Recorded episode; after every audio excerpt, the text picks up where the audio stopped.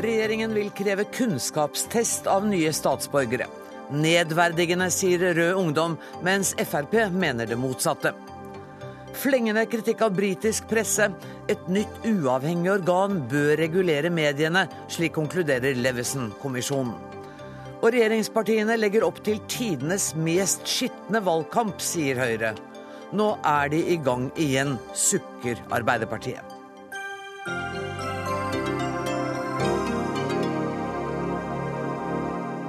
Dette er noen av sakene våre i dag, der vi også skal høre at det ikke har vært investert mindre på norsk eksportindustri på 40 år. Men først til en sak som har vært ivrig diskutert bl.a. på Twitter det siste døgnet. For regjeringen mener at innvandrere bør bevise at de har grunnleggende kunnskap om det norske samfunnet før de får statsborgerskap. De må bestå en prøve som kan bli obligatorisk allerede fra neste høst. Og Seher Aydar, du er leder for Rød Ungdom. Dette har du sagt tidligere i dag at du er sterkt kritisk til. Hvorfor det? Først og fremst så syns jeg det er veldig nedlatende å kreve at vi må gjennom en slik test for å være gode nok til å være, være, få være med. Eh, samtidig så er det jo bare en symbolsak. Altså, det her har ingenting med integreringen å gjøre. Det fins allerede krav som stilles for de som søker statsborgerskap. Krav om språkopplæring, krav om hvor lenge de har bodd i Norge, at du ikke skal være straffedømt osv. De kravene fins allerede. Men det som nå skjer, er at man i tillegg krever sånn kulturkrav som ikke er objektive i det hele tatt. Og det er problematisk. Men, men, vi har jo sett en håndfull eksempler den siste tida på mennesker som bor i dette landet, og som er veldig kritisk, også med voldelige utsagn, mot norske verdier. Viser ikke det at vi trenger denne type tester? Absolutt ikke. Og de menneskene som har de verdiene, er jeg jo sterkt uenig med. Men samtidig så hadde jo veldig mange nordmenn også svart veldig forskjellig på slike spørsmål. Jeg tror ikke Inga Marte Thorkildsen og Per Sandberg hadde svart likt på sånn type spørsmål. Eh, det, det, er nettopp det som er et bevis på at mennesker er forskjellige og har forskjellige meninger.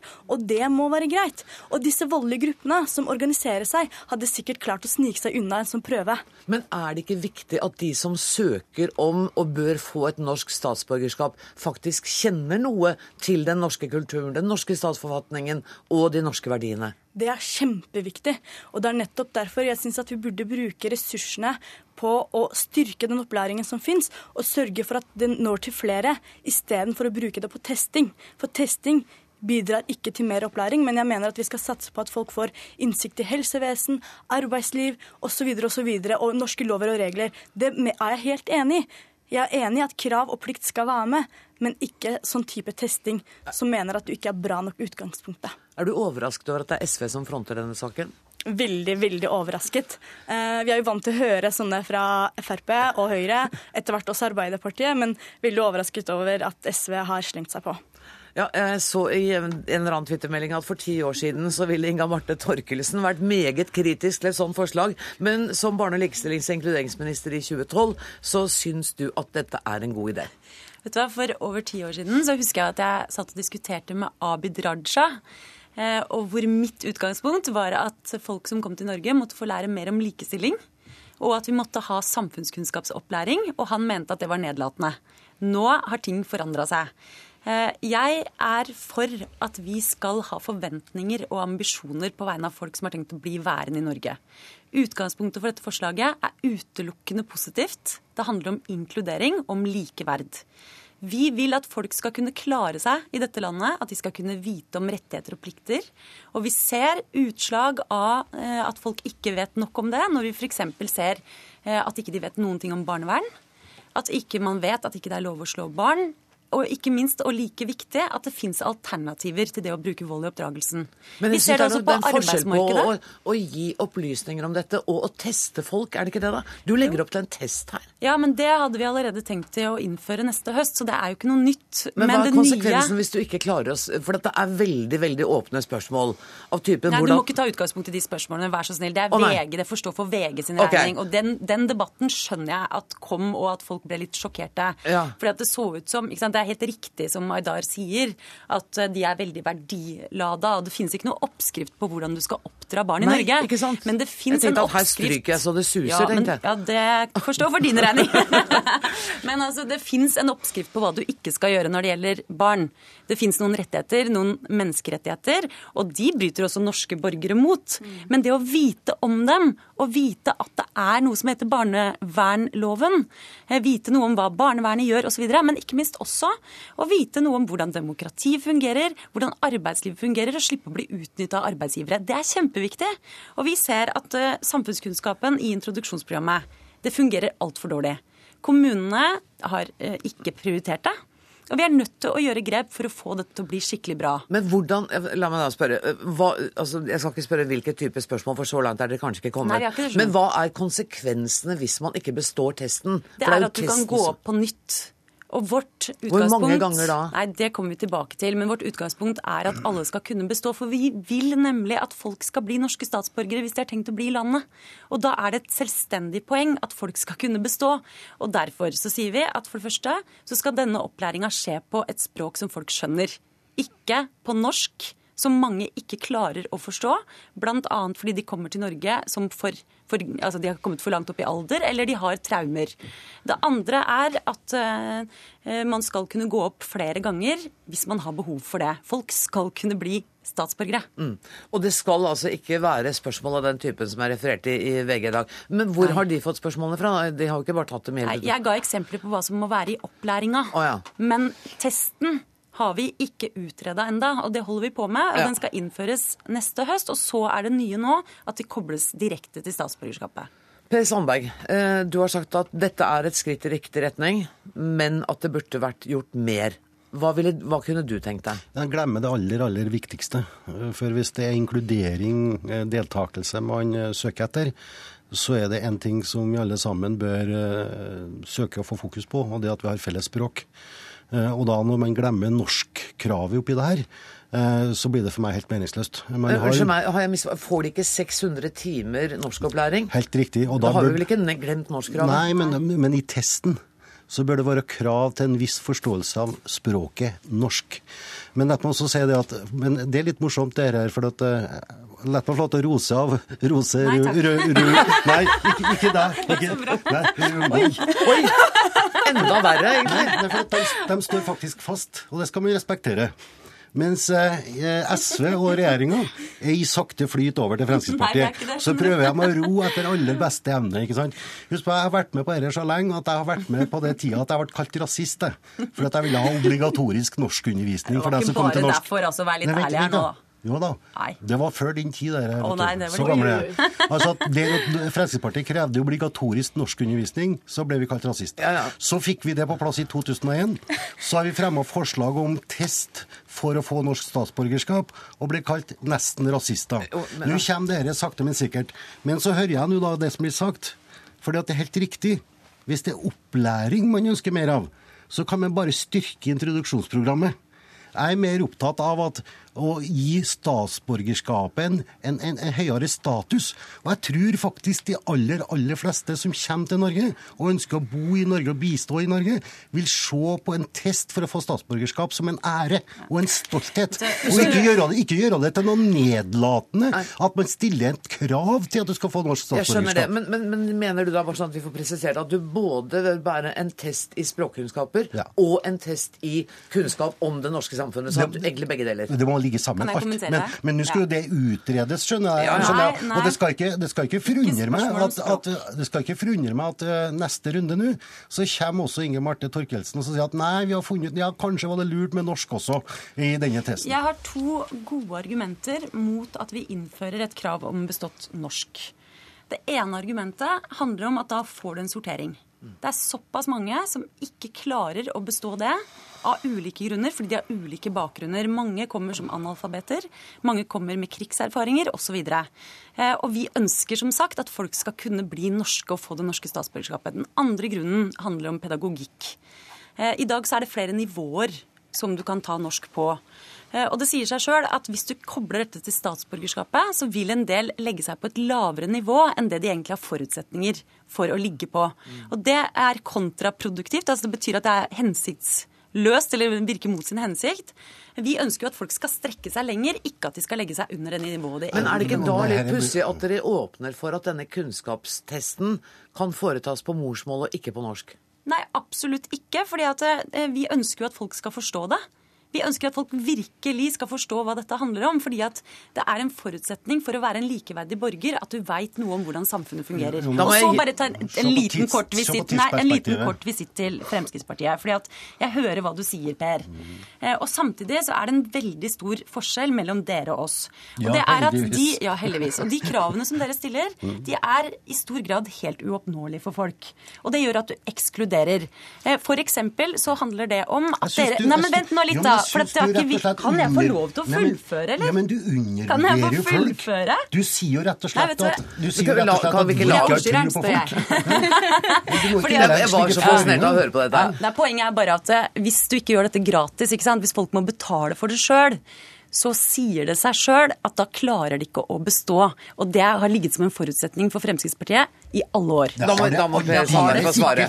Fremskrittspartiet fikk på plass introduksjonsprogrammet i 2001, og det var ingen krav om egenbetaling. Og det Første gangen vi la det forslaget fram, var i 1986, Inga Marte Torkelsen. Så det må du slutte det det med koster, det er liksom- Og det du gjør, du sier det at folk som kommer til Norge, de er altså så dumme at de kan ikke lære seg norsk. De kan ikke lære seg noe om det norske samfunnet. Jeg har det motsatte trua på det. Og når du har tre, fire, fem år på deg før at du får statsborgerskap, så må du sannelig også kunne lære deg norsk.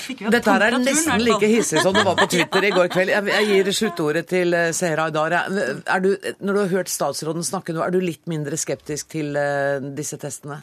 Jeg er jo generelt veldig skeptisk til disse testene.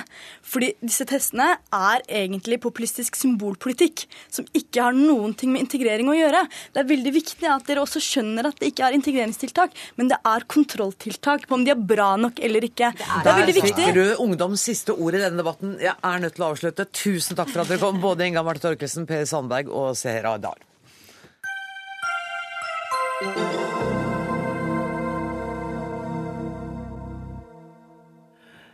Er britisk presse ute av stand til å kontrollere sine egne etiske regler, og ikke minst overholde dem? I dag kom rapporten etter skandalene rundt avisa News of the World.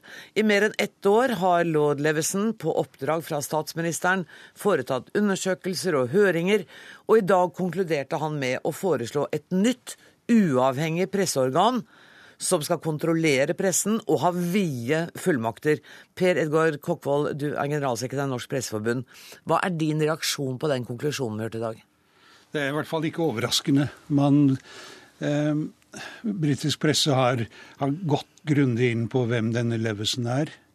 Eh, man vet at han eh, for noen måneder siden eh, faktisk eh, kontaktet en redaktør etter at han fikk høre at denne redaktøren i et program eh, The Tick of It hadde tenkt å lage satire på Levesen. Og han, han sa er det virkelig nødvendig å, å, lage satire på meg. Han innkalte også undervisningsminister eh, Michael Goe, som, eh, som sa at denne kommisjonen, denne rapporten, den kaster mørke skygger over britisk pressefrihet. Han ble innkalt og fikk kjeft av dommeren. Så alle hadde regnet med at det kom sterke, skarpe, sterke ord fra det, gjorde- de jo for seg også, men det var i, i et kledd i, i, go, i vakre klær. Jeg Ja, det var et veldig mildt språk. Han sa at jeg har fulgt britisk presse i 40 år, og jeg har stor respekt for den måten de har Til- taklet samfunnsoppdraget på. til og med tabloidene sa han, Ja. had, har en rolle å spille. Men, men dette organet, vært- da? Altså, hva er det han ser for seg nå? Han ser for seg altså Det har han all grunn til. Han har jo rett i, i det fundamentale. Han har rett i at uh, britisk presse har sviktet når det gjelder etikken. Ja. Eh, groteske avsløringer. Eh, overvåkning i, i nesten en, en industrielt grad, vil jeg si. Eh, han har rett i at man har vært klar over sine rettigheter, men glemt sine plikter. Og det er skamfullt, for, ikke minst for pressen, eh, det som eh, ble gravd fram i kjølvannet av News of the World-skandalen. Eh, Vi har kontakt med Gry Blekastad Almås, som er vår Storbritannia-korrespondent. Jeg må spørre deg også, Gry, hva, hva, slags organ er det vi snakker om som han mener bør etableres? Nei, Det er et nytt lovfestet eh, kontrollorgan eh, som han understreker skal være helt uavhengig fra politikere, men også fra pressen.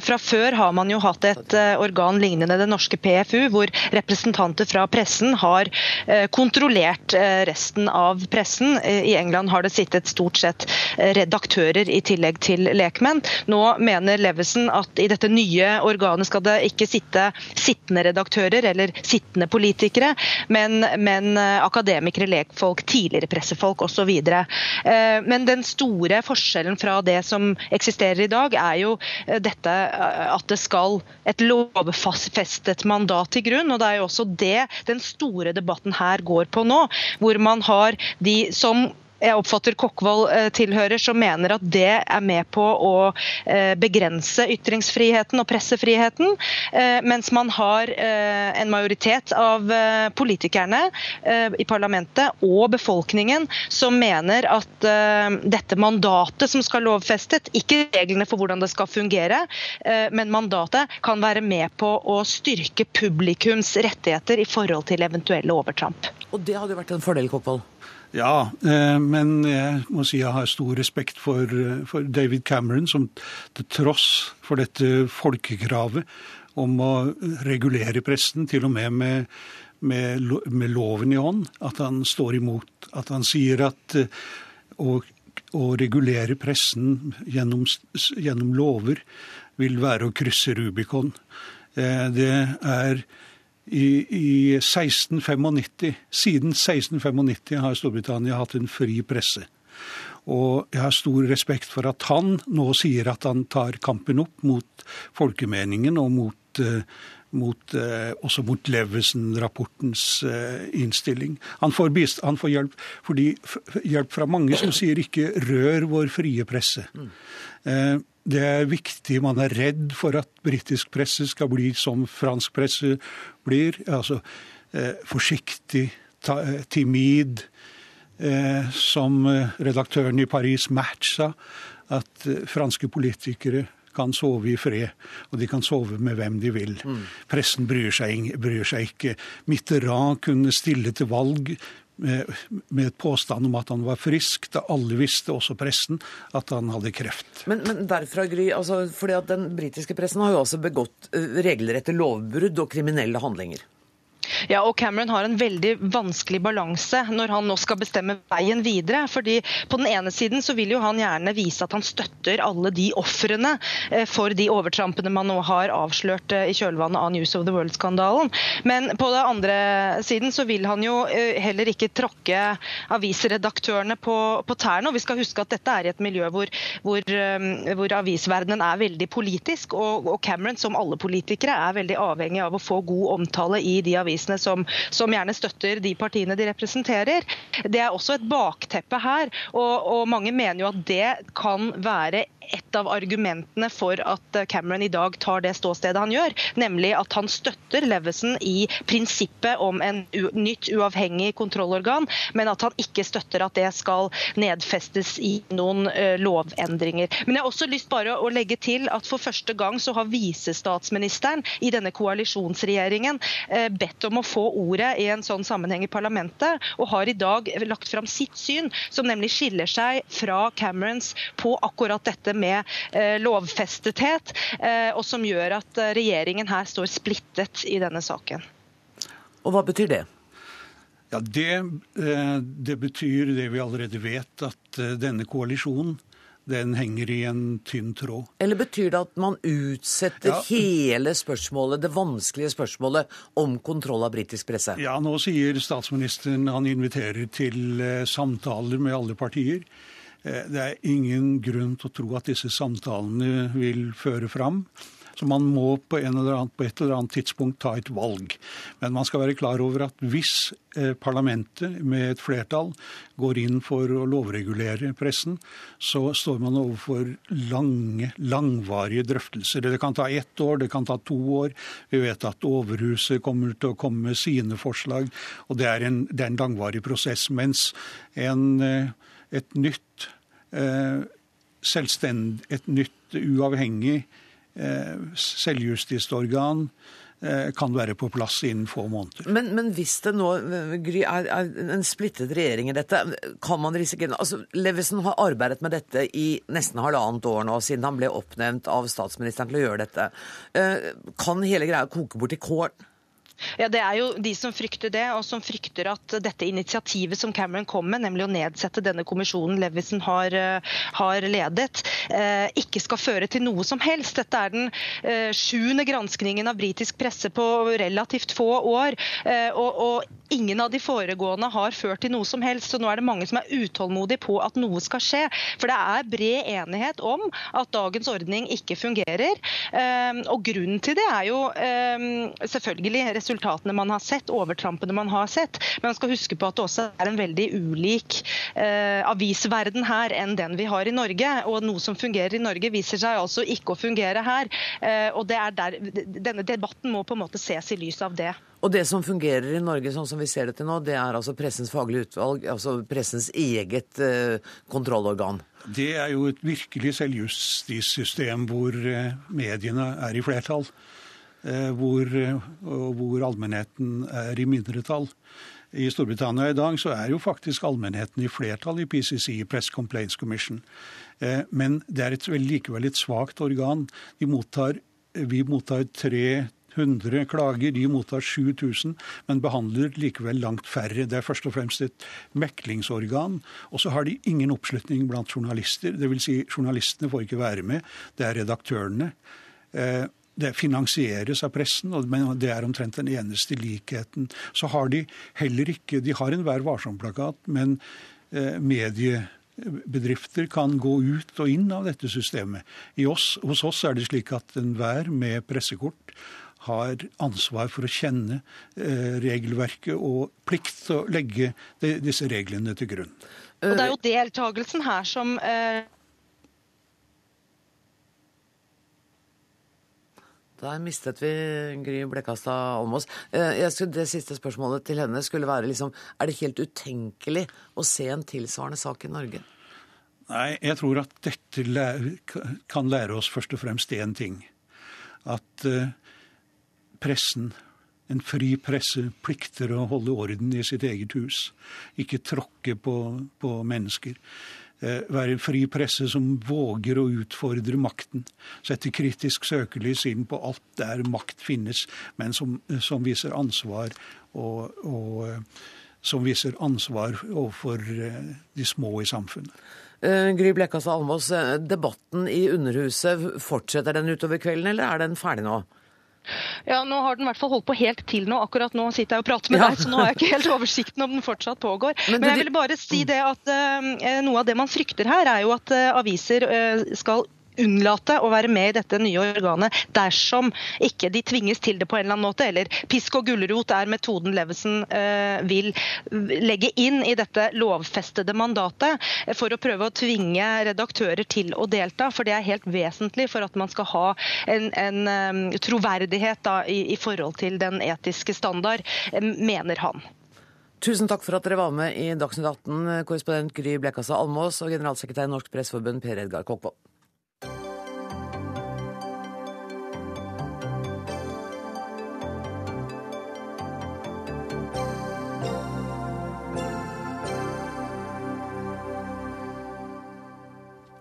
Lenge før startskuddet for valgkampen offisielt har gått, så er debatten om valgkampen i gang. Regjeringspartiene er nemlig i gang med tidenes mest skitne valgkamp, skal vi tro Høyre. Bent Høie, du er nestleder for Høyre. Hva er det du har reagert på? Vi reagerer på at uh, Arbeiderpartiet åpenbart må ha lytta til valgkampstrateger og rådgivere fra USA og har funnet ut at negativ kampanje er det som skal virke mest. Eh, de samme rådene har Høyre fått, men vi har valgt å ikke høre på dem. Fordi velgerne sier til oss at vi liker best politikere som snakker om egen politikk. Men det som vi har sett, er at Arbeiderpartiet har kommet med en rekke angrep på Høyre som er direkte løgn. Eh, Helga Pedersen har sagt at eh, Høyre vil tvinge kvinner til å føde barn uten hjerne. De har kommet med noen beregninger på våre barnehagepriser som de måtte trekke tilbake. De har sagt, SV har sagt at barn vil dø som følge av Høyres bistandspolitikk. Og sist nå i, i finansdebatten så hevder Helga Pedersen at kommunene ville miste de inntektene som kommer fra formue- formuesskatten, selv om hun vet at inntektssystemet fungerer på en helt annen måte. Og Torgeir Micaelsen, du har allerede vært ute hvert fall på ett punkt og bedt om beklagelse på vegne av eh, Helga Pedersen for feilene. Jeg ble litt opphengt i dette med at dere alle bruker disse amerikanskinspirerte valgkampstrategene. Er det riktig det at dere får råd om å kjøre negativ eh, valgkamp? Nei. Har, i hvert fall, jeg har vært i Stortinget hele høst og jobba med politiske saker og vært i ganske mange friske debatter med høyrefolk, så jeg har ikke fått de rådene. Eh, Men hvordan kommer disse sakene opp? For det er jo som Bent Høide Ja, det vil jeg gjerne forklare. Det jeg tror har skjedd her, det er at vi nå har hatt flere år bak oss hvor spesielt Høyre, men også deler av resten av opposisjonen, har fått holde på med sitt ganske i fred. Altså, De har jobbet med programmer, de har jobbet med å slike sår etter de valg- nei, tapte valget i 2009. Eh, Og vi har i tillegg hatt et år prega av en rekke kritiske saker mot regjeringen. Kontrollhøringer. altså Det har nesten ikke vært diskutert politikk i parlamentet før i høst. Og det som nå skjer, det er at jeg tror Høyre opplever litt av det SV opplevde før, eh, før valget i 2005. Utsiktene til regjeringsmakt er der. Da er det vår plikt, mener jeg, som eh, motstandere av den politikken, eh, å gå etter dem og se hva dere faktisk foreslår. Og det samme gjør pressen. Og da blir de som vanlig litt gretne og litt vonbråtne og litt sure. og det ja, Jeg kaller det politisk debatt, og de kaller det svartmaling. Jeg kjenner igjen denne leksa fra gammelt av. eller er det sånn at dere som et ø, parti på defensiven uh, gjør det som partiet på defensiven gjør, prøver å kaste dritt på dem som er på offensiven? Nei, jeg, vet, jeg, jeg syns det er helt urimelig å si at når jeg påpeker at Høyres skatteopplegg ville være f.eks. å gjenskape null- eller minimumsskattyteren når de skal fjerne formuesskatten, og de har ingen oppskrift på hvordan de skal gjøre Den det. type spørsmål diskuterer vi gjerne når Ja, som nettopp. Men Ja vel, ja, men det er kjempebra. de Eller- eller- ta eller ta- eksemplene ta det eksempelet Erna. Ja, men ta det- jeg for det første er det jo litt- Ta de fire eksemplene Det skal jeg gjøre, hvis du kan nå være stille så jeg kan prate. er det noen av de som ikke Ja, er nå, løgn? nå skal han få lov å svare. Ja, kom igjen. Eh, eh, For det første så er det jo litt påfallende at etter at din eh, hva skal jeg si, medsammensvorne nestleder Jan Tore Sanner sa at han aksepterte unnskyldningen fra meg for det, må jeg være en helt ærlig sak når man gjør feil ting, så må man kunne beklage. Si beklager, vi går videre. Skal ikke bruke det mer. Allikevel så er det din partileder som trekker dette opp av hatten når det passer deg i, passer dem i, i stortingssalen. Men la nå det ligge. Ja. La oss ta noen av de eksemplene. Som er dere er- ikke har bedt om unnskyldning for? ja, eh, og det er klart det er tøft sagt når, Erna Sol nei, når Helga Pedersen sier at, eh, at den ytterste konsekvensen av at Høyre vil stramme inn på abortloven, kan ha den type konsekvenser. Men det er ikke sant. Men, men, vel, jeg hører at du sier at det ikke er sant, men det beror på at du kan garantere at de nemndene som da skal ta imot søknadene fra kvinnene Nei, du sier at det er feil, men det, du, det som er problemet ditt, Høie, det er at det er jo ikke bare jeg eller Helga Pedersen som sier dette. Det er jo sterke krefter også internt i Høyre som er enige med oss om at vi ikke lyver om dette. Men vet du dere hva, jeg hadde tenkt at vi i dag ikke skulle diskutere innstramninger eller liberalisering av abortloven. Men jeg tenkte vi skulle snakke litt om hva slags valgkamp er det vi vil ha. Og det er der da Høyre mener at det er Arbeiderpartiet og de andre regjeringspartiene som driver en skitten valgkamp på. Da må jeg si, hvor går grensen for, for hva som er tillatt av politisk polemikk i en valgkamp? Altså, Vi har ingenting imot å diskutere formuesskatt eller de forslagene Høyre foreslår. eh, Og har heller ingenting imot at Arbeiderpartiet bruker mer tid å snakke om Høyres politikk enn sin egen politikk. Det får være Arbeiderpartiets valg. Det at de mangler ideer sjøl, og derfor må heller angripe oss, det er deres valg. Men det, det, som, det, som er, det som er poenget, det er at en går over en grense når en eh, eh, spinner på historier som ikke er sanne, som vi sier ikke er sanne, det er ikke i tråd med vår politikk. Høyre og Arbeiderpartiet er nok uenige om de tingene vi faktisk er uenige i. Og kan ha en frisk politisk diskusjon om det, til at vi trenger å skape en fantasiversjon av hverandres politikk, og så, eh, og så diskutere den. Fordi Men dere, tror hvis alt som hadde vært sagt i en valgkamp, hadde vært sant ja, Det hadde vært en stor fordel for velgerne. Eh, og det hadde òg ført til at man hadde fått en mye mer er levende politisk diskusjon. For jeg tror at velgerne er opptatt av to ting. De ønsker å høre de ulike partiene snakke om sin politikk, ikke de andre partiene snakker om andres politikk. Og så ønsker de gode, friske diskusjoner basert på det som faktisk de ulike partiene mener. For jeg tror at alle som engasjerer seg politisk, gjør det fordi han ønsker å skape samfunnet bedre, mens Arbeiderpartiet har en holdning til bl.a. Høyre at en skulle tro at Høyre-folk er her for å ja, lage det vondt og vanskelig for folk. Det er vi ikke. Vi er et samfunnsengasjement. Det tror jeg òg Torgeir Micaelsen har. Da kan vi holde oss for gode for å servere løgner om hverandres politikk. Snakk mer, om, snakk mer Men- men- positivt om egen politikk, Ja, men er hver, budskapet. hver morgen så våkner jeg, og da ringer ofte telefonen, for da har det vært et innslag på NRK eller andre ting som jeg blir bedt om å kommentere. Det er i all hovedsak ramsalt kritikk av Arbeiderpartiet eller regjeringens politikk. Forsvarer det hver dag, sier hva vi ønsker med samfunnet, hvordan vi ønsker å ta Norge videre med å bruke de store penga på velferd og ja, felleskassa, mens da andre vil gjøre noe annet. Men det må da da også i anstendighetens land være lov å påpeke at det er noen andre som ønsker en annen kurs. De sier at de, de, Høye, du sier jo at du vil kaste dagens regjering ved valg. Du vil ta Norge i en annen retning. Du vil diskutere politikk og ta uh, politiske saker i en annen retning. At det skal være svartmaling å påpeke det, når vi hver eneste dag gjør nettopp det vi gjør prater om vår egen politikk, forsvarer oss mot ramsalt kritikk, bl.a. fra mange representanter fra Høyre. Og Jeg er helt sikker på at vi skal diskutere en annen økonomisk sak etterpå. Da kommer hans medsammensvorne Sanner. Og jeg, skulle, ja, jeg gleder meg. For da skal, det bare, da skal, det bare, være Høyres politikk. Jeg, jeg, jeg, tror ikke, for jeg hører det. Vi er ikke der helt ennå. Eh, for det, det, er jo noe med at man må også kunne Dere gjør jo også det. Ser på konsekvensene av Arbeiderpartiet eller SVs forslag. Og så sier dere det og det er de negative konsekvensene vi ser. Det har jeg ingen problemer med. Men for ta, ta et eksempel. Når Helga Pedersen sier at det at Høyre fjerner formuesskatten, gjør at alle kommunene i Norge mister den inntekten, det vet hun er feil. Hun har sittet så, jo, hun har så lenge på, i, i, Stortinget at hun vet at alle skatteendringer, som òg denne regjeringen, de har jo òg endra inntektsgrunnlaget på formuesskatten, men det har ikke slått ut i kommuneøkonomien. Mm. Fordi at dette ble korrigert i budsjettet. Og eh, Torgeir Micaelsen vet at Høyre har stemt for nøyaktig de samme kommunerammene som Arbeiderpartiet i disse, disse årene. Så de vet at det er feil. Så det som er så moro, er at vi ikke skal diskutere verken abort eller formuesskatt, men vi skal diskutere hvor grensene går for hva vi har lov til å si. Og jeg trodde det gikk ja, eller ved person. Men det er jo ikke, bare for å ta det eksempelet, det er jo ikke noen løgn å si at kommunene i Norge, hvis man skulle fjerne formuesskatten uten å kompensere det Det er helt enig. Jo, men det er jo et, er det er jo et bilde Bent Høie det? Er det er der løgnen er. Det er jo et bilde på hvor mye penger dette faktisk er. Altså, men nå, la meg ta meg men Det er ingen vet hva, det er ikke et menneske som hører hva dere sier, for de kjefter i munnen på hverandre. Nå var det jeg som prøvde å si noe veldig fornuftig her. La oss ta et par kontrollspørsmål. Dere har jo reagert kraftig på at vi har påpekt at dere vil kutte i bevilgningen til regnskog. 750 millioner, jeg har papiret her, fra Høyres alternative budsjett. Blir det mindre eller mer vern av regnskog hvis man kutter 750 millioner? Eh, er det svartmaling å påpeke det?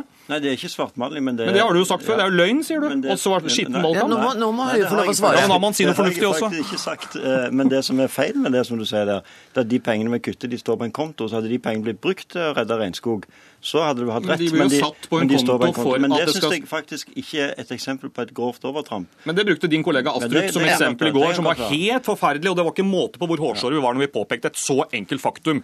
Det syns jeg viser at men, jeg tror vi har fortsatt litt å gå på i norsk debattklima før vi må bli så sutrete som Høyre nå har blitt. For de har kommet litt på defensiven etter å ha surfa noen måneder og hatt noen gode år i stortingsgruppa nede i Stortinget. Har du lyst til å svare på det, eller skal vi la ham få siste ord her? Vi er i kjempehumør, og vi har ingenting problemer med at Arbeiderpartiet vil snakke om politikk. En anstendig valgkamp er vi alle enige om at det er det vi ønsker. Politikk og ikke lyge om hverandre, og alle har et godt engasjement når en engasjerer seg i politikken. Hvis man har det som en felles plattform, så blir dette en fin valgkamp. Og så skal vi ikke undervurdere underholdningsverdien heller. Nei, nei. Det gøy. Eh, tusen takk skal du ha, Bent Høie. Eh, så ber jeg deg da, som du sa, Torgeir Micaelsen, å sitte igjen, men vi skal over til en annen sak.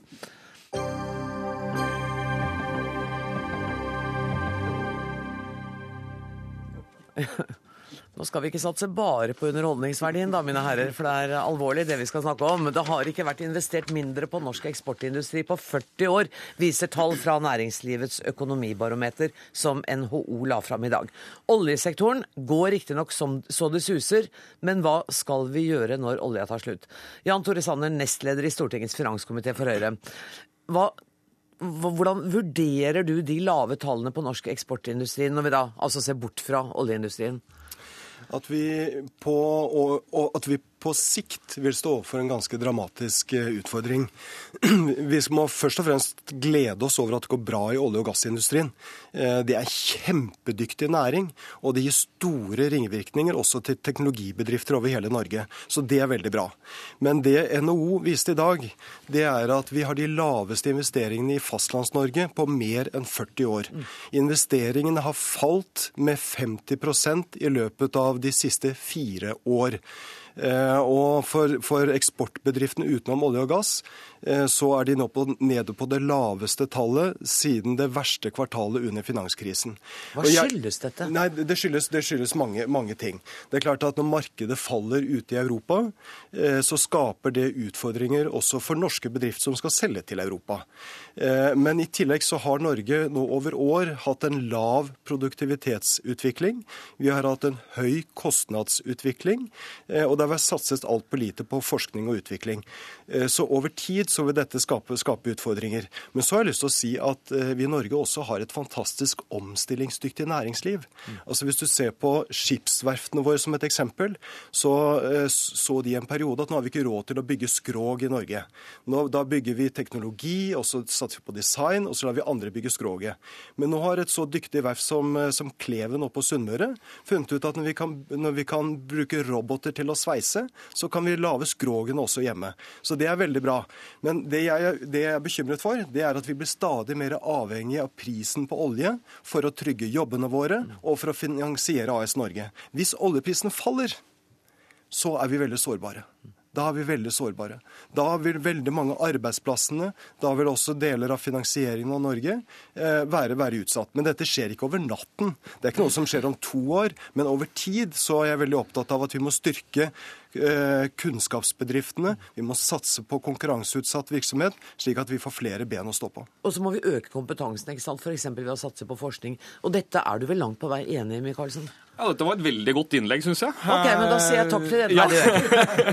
Nei, men Det kan jeg slutte meg til nesten alt Jan Tore Sanne sa. Men hva gjør, hvis dette, Dere er enige om at dette er et fremtidig? Men La meg legge til, altså, det, det, jeg tror ikke vi skal undervurdere, er, som jeg syns kanskje Sanner ligger litt for liten vekt på, er at Eh, selv jeg må innrømme det, selv svært aktive næringspolitikere og finanspolitikere fra Arbeiderpartiet som har verktøykassa full av verktøy for å hjelpe næringslivet til å skape verdier i Norge, kan ikke underslå at når vi er eh, inne i den kanskje mest krevende økonomiske perioden vi har hatt, ikke på 40 år, men siden annen verdenskrig Det kom en rapport fra OECD nå for et par dager siden som sier at den største trusselen mot verdensøkonomien nå, det er krisen i euroområdene, altså i vår egen verdensdel. Den delen der norsk eksportnæring selger aller mest til, så kan vi liksom ikke eh, hoppe bukk over det. Så det vi nå egentlig opplever, er veldig mye eh, i Fastlands-Norge, er en del av det de sliter med i mange andre land. Heldigvis jeg er enig med Sanner. Vi har en fantastisk olje- og gassnæring som bidrar til å holde norsk næringsliv oppe. Eh, og så er jeg nok av de som ikke syns vi skal overdrive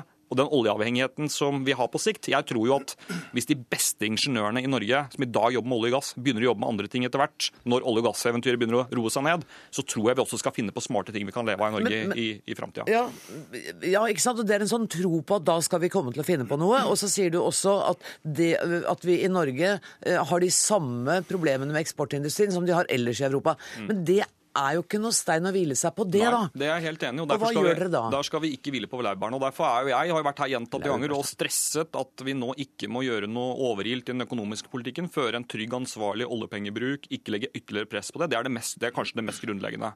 Så må vi fortsette å hjelpe de enkeltnæringene. Sanner nevnte f.eks. verftene. Der hadde vi en spesifikk tiltakspakke som hjalp en del av verftene over kneika når det var som verst for noen år siden. Mer spesifikke sånne type ting, som vi satser på forskning, på utdanning, på å bygge veier og jernbane. Og så vil jeg legge til, jeg er ikke blant de som mener at det er uproblematisk at vi har bevilga oss lønninger og, og, og, og, kostnader over tid i Norge som, eh, som legger press på norsk næringsliv. Men i Norge er vi jo det landet der økonomene rundt omkring i verden klør seg i huet og skjønner ikke helt hvordan vi får det til. Vi har jo for høye kostnader, vi har for mye reguleringer, vi har for sterke fagforeninger, vi har for høye skatter. Men allikevel får vi det til. Og det er fordi vi har en av de mest produktive, flinkeste arbeidsstyrkene i verden. Eh, noe jeg syns vi skal være stolte av fortsatt, selv om det er krevende tider. Det, det, det var så mange momenter her. Så det, du kan få lov å velge hvilket du vil, hvilket du vil svare på. Jo, jo men det, det, er mange elementer. Altså, hvis du tar på produktivitetsutviklingen, det er viktig. fordi at eh, når vi blir mer produktive, så kan vi ta ut den gevinsten i høyere lønn, i bedre velferd eller mer konkurranseevne. Hvis du ser på det som er skjedd etter 2005, så har vi gått fra en situasjon hvor vi var bedre enn våre handelspartnere, til at vi i dag har lavere produktivitetsvekst lønnsvekst enn våre handelspartnere. Eh, hvis du ser på satsingen på forskning og utvikling, så mener jeg at regjeringen er altfor tilbakelent. Rektoren på Universitetet i Oslo, Ottesen, sa noe veldig eh, fornuftig da budsjettet ble lagt frem. Han sa at det hjelper veldig lite å ta to skritt frem når resten av verden løper. Og det er mitt poeng. Vi må ha en langsiktig strategi. Vi kan gjerne sitte og krangle om budsjettet i år og i fjor osv. Mitt poeng er at vi må ha en langsiktig strategi. Vi må si at Norge skal ha et av de beste universitetsmiljøene i Europa. Det må vi ha en strategi for. Vi må sørge for at vi satser på næringsrettet forskning, bygger opp miljøer. Nå har vi i tre av de fire siste årene hatt, hatt, har det vært en nedprioritering av forskningsinnsatsen. Det er vi nødt til å snu. Vi er nødt til å satse mye mer på det området. Du må si til bedriftene som har økonomiske muskler til å investere, at dere skal få bedre avskrivningsregler. Du må legge noen gulrøtter som gjør at vi strekker oss, strekker oss litt lenger. Fordi at over tid så vil dette gjøre oss sårbare. Og jeg er opptatt av eh, hvordan vi skal skape og trygge jobber om fem år, om ti år, og finansiere velferden vår. Og, og dette, dette har sittet i regjering i sju år. Dere hadde jo hatt mulighet til å styrke nettopp forskning, spisskompetansen innenfor disse områdene, Absolutt. og har jo i alle disse årene møtt kritikk for nettopp ikke å ha gjort det. Er det nå jeg skal si at han farmer løgn? du kan si hva Nei, du vil. for Jeg gjør ikke det, for det er måter å si det på. Altså, bare helt kort, eh, Forskningsbevilgningene har økt med over 6 milliarder kroner. Det er 32% reallønns, nei, realvekst i forskningsbevilgningene. Jeg syns ikke det er å nedprioritere, jeg syns det er å satse, for å være helt ærlig. Eh, og så hører jeg det er mange fine ord fra Sanner. Eh, mye av det er jeg veldig enig i, men vi må gjøre noe. Og da eh, tror jeg vi fortsatt har et godt utgangspunkt i Norge. Men det er, det er krevende tider, det er ikke noen tvil om. Men la meg gi Sanner én utfordring på slutten.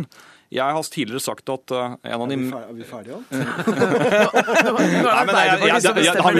Programlederen begynte å bli litt stram i maska, så da tenkte jeg at da er vi i ferd med å roe ned. Før 2005 så hadde vi en svær diskusjon hvor Høyre advarte sterkt mot at Arbeiderpartiet kom til å sette den økonomiske politikken over styr, at vi ikke klarte å kontrollere de som ville bruke mer oljepenger. Vi sa at det fikk vi til, vi avklarte det. Og Et av de viktigste bidragene nå, Sander, det tror jeg du er enig med meg om, at vi ikke må nå eksperimentere i den økonomiske politikken. Problemet ditt er at du ikke fortsatt kan si til meg at du kan garantere at du kan tøyle Solvik-Olsen og Siv Jensen som finansministre i eh, Finansdepartementet. Det synes jeg det uroer meg, og det uroer mange krefter i Du snakker om å forskuttere valgresultatet her. Ja, ja, ja. Eh, Nå Ja, er det snart slutt, Sanner, så nå får du siste ord. Ja, til det har jeg lyst til å si at uh, I en Twitter-melding i dag så tok jeg selvkritikk. Eh, og det knyttet seg særlig til hvordan vi advarte eller tegnet skremmebildet av SV i regjering i 2005. Ganske enkelt fordi at eh, for det første så tror ikke folk på, på skremmebilder. Det kan kanskje Arbeiderpartiet også lære litt av. Eh, Og det andre er at, at, vi, at vi tok feil. Altså, Kristin Halvorsen i Finansdepartementet hun førte eh, å si, god gammel Arbeiderpartipolitikk, og det har ikke gått så altfor gærent når det gjelder de økonomiske rammene. Men der jeg syns at Arbeiderpartiet er for tilbakelent, det er å satse på fremtiden, på kunnskapsnæringene, på, på forskningen. Det som bygger landet for, for fremtiden. Så når jeg jeg er. Jo, jo, jeg, Jo, på en jeg har måte svart gjorde han jo det. Og jeg og jeg tror, som jo, men, jo, nei, men hør nå her. Altså, eh, jeg tror bare det er Torgeir Micaelsen, Martin Kolberg og et par ting i Arbeiderpartiets stortingsgruppe som ligger våken om natten i frykt for at Høyre skal komme i regjering. er Alle vet, alle, jo, men alle vet at, at et Høyre i regjering fører en ansvarlig økonomisk politikk, men vi er også nødt til å se fremover, satse på kunnskap, og teknologiutvikling. Det er det som skal bygge Norge og bære velferden vår i årene som kommer. Tusen takk for at dere kom, begge to. Torgeir Micaelsen fra Arbeiderpartiet, Jan Tore Sanner fra Høyre. Hør Dagsnytt 18 når du vil, på nettradio eller som podkast. nrk.no – dagsnytt 18.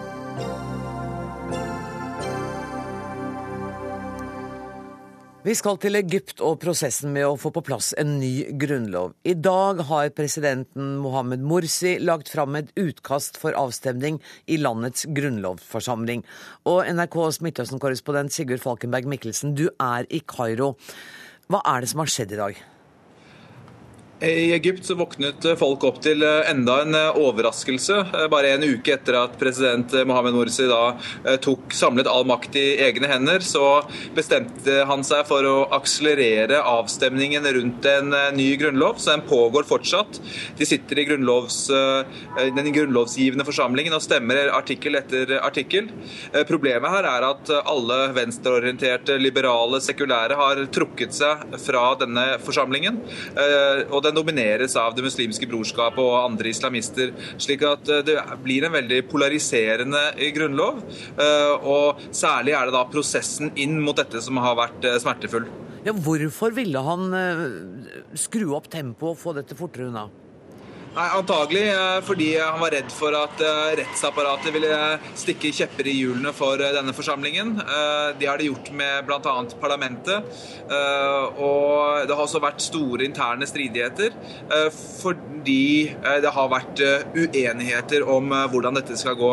Men det viktigste med en grunnlov er at den på en eller annen måte er samlende. Og det er ikke denne grunnloven.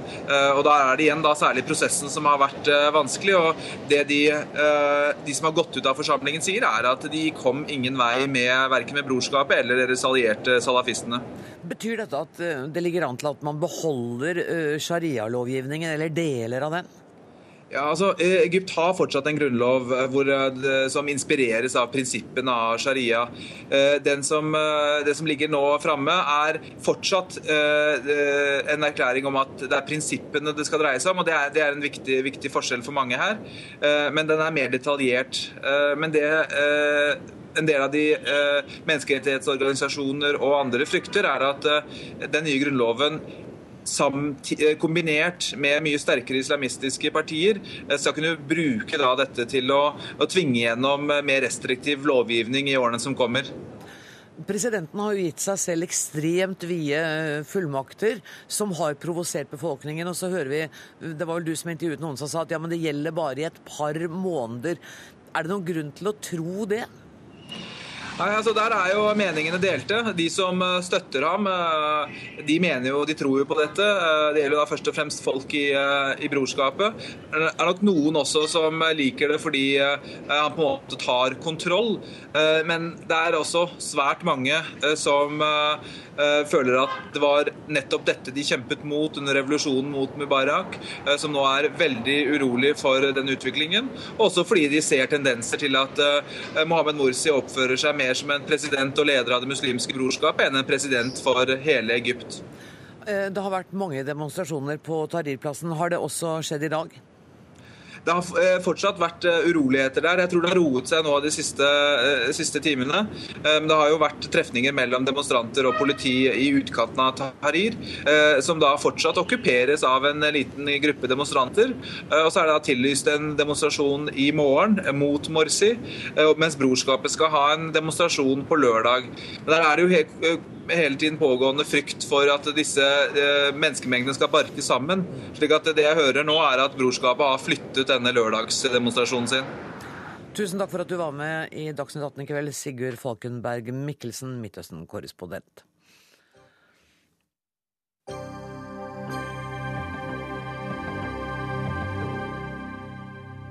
Det skal handle om barn.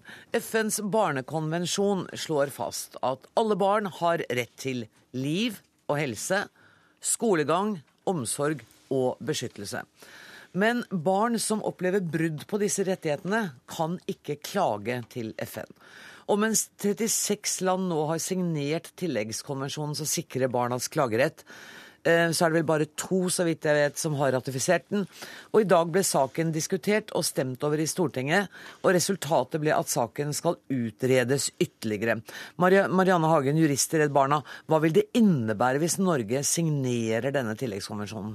Det betyr at vi får en klagemekanisme som eh, barn i Norge kan benytte etter at de har benytta de interne klagemulighetene i Norge. Man får altså en mulighet til å bringe klagesaker over brudd på barns rettigheter ut av Norge til FNs barnekomité, som er den komiteen som overvåker at vi overholder konvensjonen. Men det vil jo bety at Norge da må gi fra seg eh, noen rettigheter, eh, juridiske rettigheter, til barnekomiteen? Vi ser det ikke sånn, fordi at eh, Barnekonvensjonen er allerede en del av norsk lov. Den er inkorporert og gjelder som norsk lov. Den anvendes i norske domstoler i dag. Så er det da sånn at eh, når man har vurdert en sak i, i alle instanser i Norge, så er det en mulighet og en sikkerhetsventil da, for å ta med seg denne saken utafor Norge for å få en ekstern vurdering. Dette mener vi kun vil bidra til å styrke barns rettigheter og fordi vi har en god kjennskap til Barnekonvensjonen i dag, vi har hatt den i lovgivningen vår siden i 2003, så betyr ikke dette at vi gir fra oss en myndighet. Men Vi underlegger oss en kontrollmekanisme og en åpenhet rundt våre vurderinger som kun vil innebære en styrke for barns rettigheter og ikke en trussel mot det norske systemet. Dette vil være styrking av alle barns rettigheter som bor i Norge. Det vil det helt klart være. Og da må jeg gå til deg, Eva Kristin Hansen, medlem i utenriks- og forsvarskomiteen for Arbeiderpartiet. Hvorfor har vi enda ikke signert denne tilleggskonvensjonen?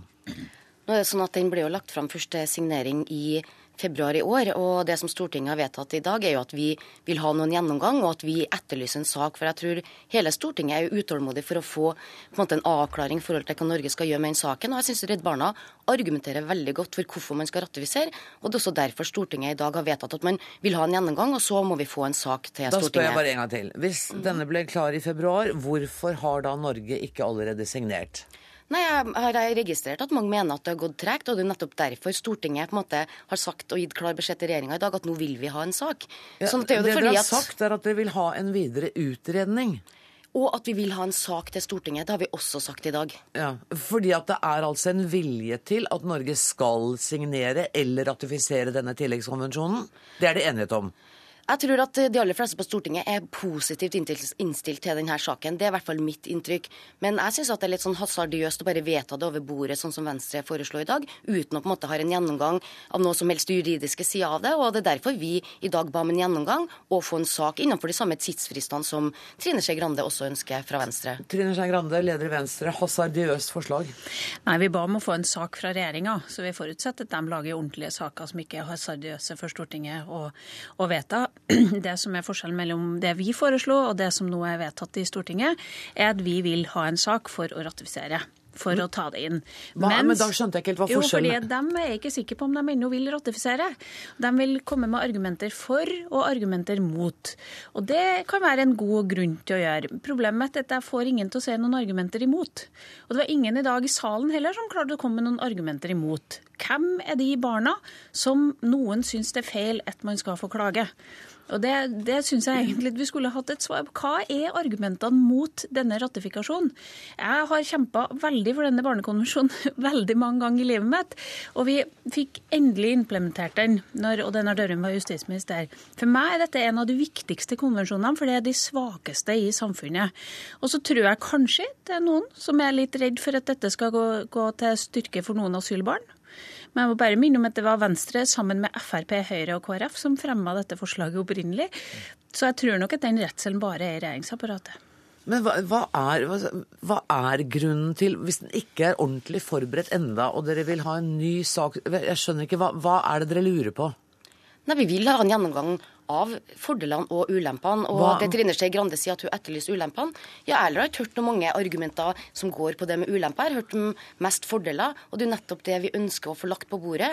Eh, og både på en måte alle opposisjonspartiene, unntatt Venstre, har jo vært enige med regjeringspartiene at det er klokt å ha et godt beslutningsgrunnlag. Det er sånn det alltid er i Stortinget, og vi ønsker å få en sak om det her. Og vi deler Venstre og Redd Barna sin utålmodighet, og det er nettopp derfor vi har bedt om en sak. Så jeg mener litt sånn flisespikkeri fra Venstre Venstre at de blir sur fordi at vi ønsker å ha en gjennomgang.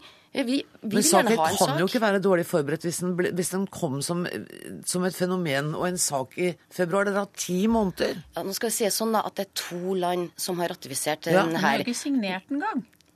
Vi har jo ikke gjort noen ting. Ja. Da vil juristen skal få lov å komme med en saksopplysning. Det har eh, pågått lenger enn siden eh, februar i år, dette her. fordi ja. Dette startet i mars 2010 med en arbeidsgruppe med land som gikk i bresjen for å få på plass en klagemekanisme for barn. Det var en bredt sammensatt gruppe.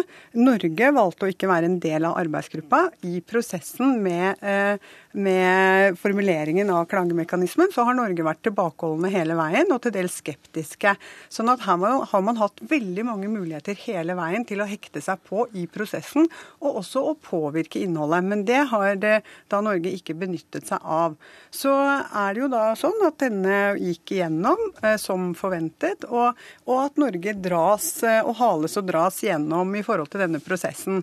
Og vi i Redd Barna er jo glad for at det nå ser ut som det kan bli noe fremgang. Men vi mener jo at eh, vi ville være i posisjon til å ratifisere denne nå. Nettopp fordi Barnekonvensjonen har en så sterk stilling som den har. Og fordi vi heller ikke kan finne noen ulemper ved å gi barn i Norge et ekstra sikkerhetsnett, pluss den internasjonale eh, signaleffekten det vil ha selvfølgelig at Norge også går i bresjen for en eh, slik klagemekanisme, og ikke er en sinke på dette området. Men har du noen teori om hvorfor Norge har eh, skrubba med begge hælene i denne saken? Jeg har ingen spesiell teori, men jeg tror at eh, man har en redsel for å, å, gi fra seg da det man sier er makt til uh, uten, uh, utenfor våre grenser til å avgjøre disse spørsmålene. Men da må man huske på at vi har jo allerede bundet oss til disse rettighetene. Dette er en klagemekanisme der vi ikke blir bedt om å påta oss nye forpliktelser. Nettopp. Og på De mitt første spørsmål i dag så sa du at vi gir ikke fra oss noen juridisk makt. Vi, vi har den fortsatt. Vi har den, og dette vil være være en ekstra kontroll og hvilken ulempe det vil medføre for barn i Norge, og hvilken uheldig effekt det vil ha som signal utenfor Norges grenser, er vanskelig å se. Men Eva Kristin Hansen, da har jo ikke Norge akkurat vært i fronten for å kjempe for barnas rettigheter, da, hvis dette har holdt på siden 2010, og vi har ikke engang vært med i arbeidsgruppen? Nei, og det er den kritikken som på en måte vi har tatt på alvor i Stortinget. For at der hadde mange møter med Redd Barna, og vi har fått klare tilbakemeldinger på at dette har gått tregt. Og det er jo nettopp derfor det er jeg som har ført dette forslaget i penna som ble vedtatt i dag. Og det er jo nettopp derfor, fordi at folk mener at det går for tregt, at vi nå vil ha fortgang i saken. Og det er jo det vi har bedt regjeringa om i dag. Jeg blir bare forvirra. Kunne ja, man ikke bare ha signert? Godt. Nei, jeg, jeg, vet du, det føler ikke jeg meg rede for å bare signere over bordet. Nei, over bordet. Vi snakker om to år her, hvor dette fra det kom som et forslag, og så ble det vedtatt i februar. Vi snakker jo ikke om over bordet her nå. Dere må jo ha tid til å se på det. Saken ble lagt fram til signering. Selvfølgelig har det vært en prosess forkant internasjonalt, men det er bare to land som signerte. Ingen land i Europa nei, har signert det her. Altså, 23 land har signert. Jo. To har ratifisert, ja. men det er 23 land som har signert. Ja. De fleste europeiske landene har gjort det. Og, jeg fikk et tall på 36, men det er kanskje feil. Ja, det går an enda flere. Hva sa du? Det er 36 land som har signert. Så enda bedre. Enda bedre argumenter. Det, Deilig å ha rett. men det er liksom Problemet er at jeg får ikke tak på hva det er man er kjempeimot. Og problemet, det andre problemet er jo at det svekker Norge internasjonalt. For jeg vil jo ha en utenriksminister i Norge som kan reise rundt i verden, slå hardt i bordet når det gjelder menneskeheter, altså kaffekoppene skvett, som jeg sa i dag. Jeg vil at den autoriteten skal en utenriksminister fra Norge ha når man snakker om menneskerettigheter. Og det at vi da blir en sinke på sånne ratifiseringer, det at vi blir en sinke på vernerettigheter, gjør at de landene som er dårlige, da Vi er ganske gode på barnerettigheter i Norge fordi vi har implementert det. Men de landene som er dårlige, kan bare si ja, dere har ikke engang ratifisert. Det Langt mindre signert. Ja, ikke sant? Så, så, så, så da svekker vi Norge sin posisjon når vi skal stå opp for menneskerettigheter men, men når du hører da at Arbeiderpartiet sier at fordi man er utålmodige, så har man vedtatt det man vedtok i dag. Ja, og det som er problemet med det vi vedtok i dag, det er at det er et veldig fokus på ulempene. Også at man skal utrede for og imot. Ikke si at vi ber om en sak for å få dette ratifisert og på plass. Eh, og jeg mener at det er altfor lite forpliktende, det som ligger der i dag. Vi stemte for det subsidiært når vårt forslag faller, for det er bedre enn ingenting. Men, men det er mulig vi får fortgang, men det betyr ikke at vi kommer i mål. Nei. Så vi får, en, vi får en sak en gang, men vi vet ikke om den er rett. Dere er jo enige om at ingen av dere har hørt om disse. Det er ingen som har kommet fram med noen ulemper. Det er veldig få argumenter. Jeg har hørt litt grann det som Redd Barna er inne på, at noen er litt bekymra for det med overnasjonal myndighet. Det argumentet har jeg også hørt eh, når sakene her har blitt diskutert. Men jeg ser, mest mulig positive argumenter i forhold til denne saken, og jeg ønsker fortgang i den. Så skjønner jeg at Venstre er utålmodig, og det nærmer seg valgkamp, og man begynner å bli stressa. Men jeg vil bare gjenta det, at Norge ligger i front når det gjelder barns rettigheter. Vi har inkorporert Barnekonvensjonen. Ja, Sverige har jo ikke gjort det. Ja, dette har vi hørt. Men, men, ja, men jeg må jo få muligheten til å forklare, programleder. Ja, vær så god å forklare. Hva er grunnen da til at det enda ikke har skjedd noen ting når det gjelder tilleggskonvensjonen? Det er jo ikke sånn at det ikke har skjedd noen verdens ting. Vi har inkorporert Barnekonvensjonen, og nå snakker man om denne klagemekanismen. Stortinget har vedtatt i dag at vi vil ha en sak. Det vil jeg kalle progresjon, faktisk. Når kan det bli vedtatt? Ja, Det er jo når saken kommer til Stortinget. Vi har sagt at vi vil ha utredninga klar i løpet av våren, og at man må komme med en sak til Stortinget. I løpet av våren. Jeg tror nok vi må gjøre sånn som sist. Da kom vi i regjering, og da fikk vi inkorporert det i, lovverket. Og, og der var valgkampen skikkelig i gang også i Dagsnytt 18. Men det får være siste ord eh, denne gangen. Tusen, tusen takk skal dere ha, Trine Skei Grande, Marianne Hagen og Eva Kristin Hansen. Det nærmer seg slutten på nok en Dagsnytt 18-sending. Jeg skal bare fortelle dere at ansvarlig i dag har vært eh, Hun heter Ida Tune Øritsland. Det tekniske ansvaret har Lisbeth Sellreite. Jeg heter Anne Grosvold. Vi høres igjen om 23 timer. Takk for nå.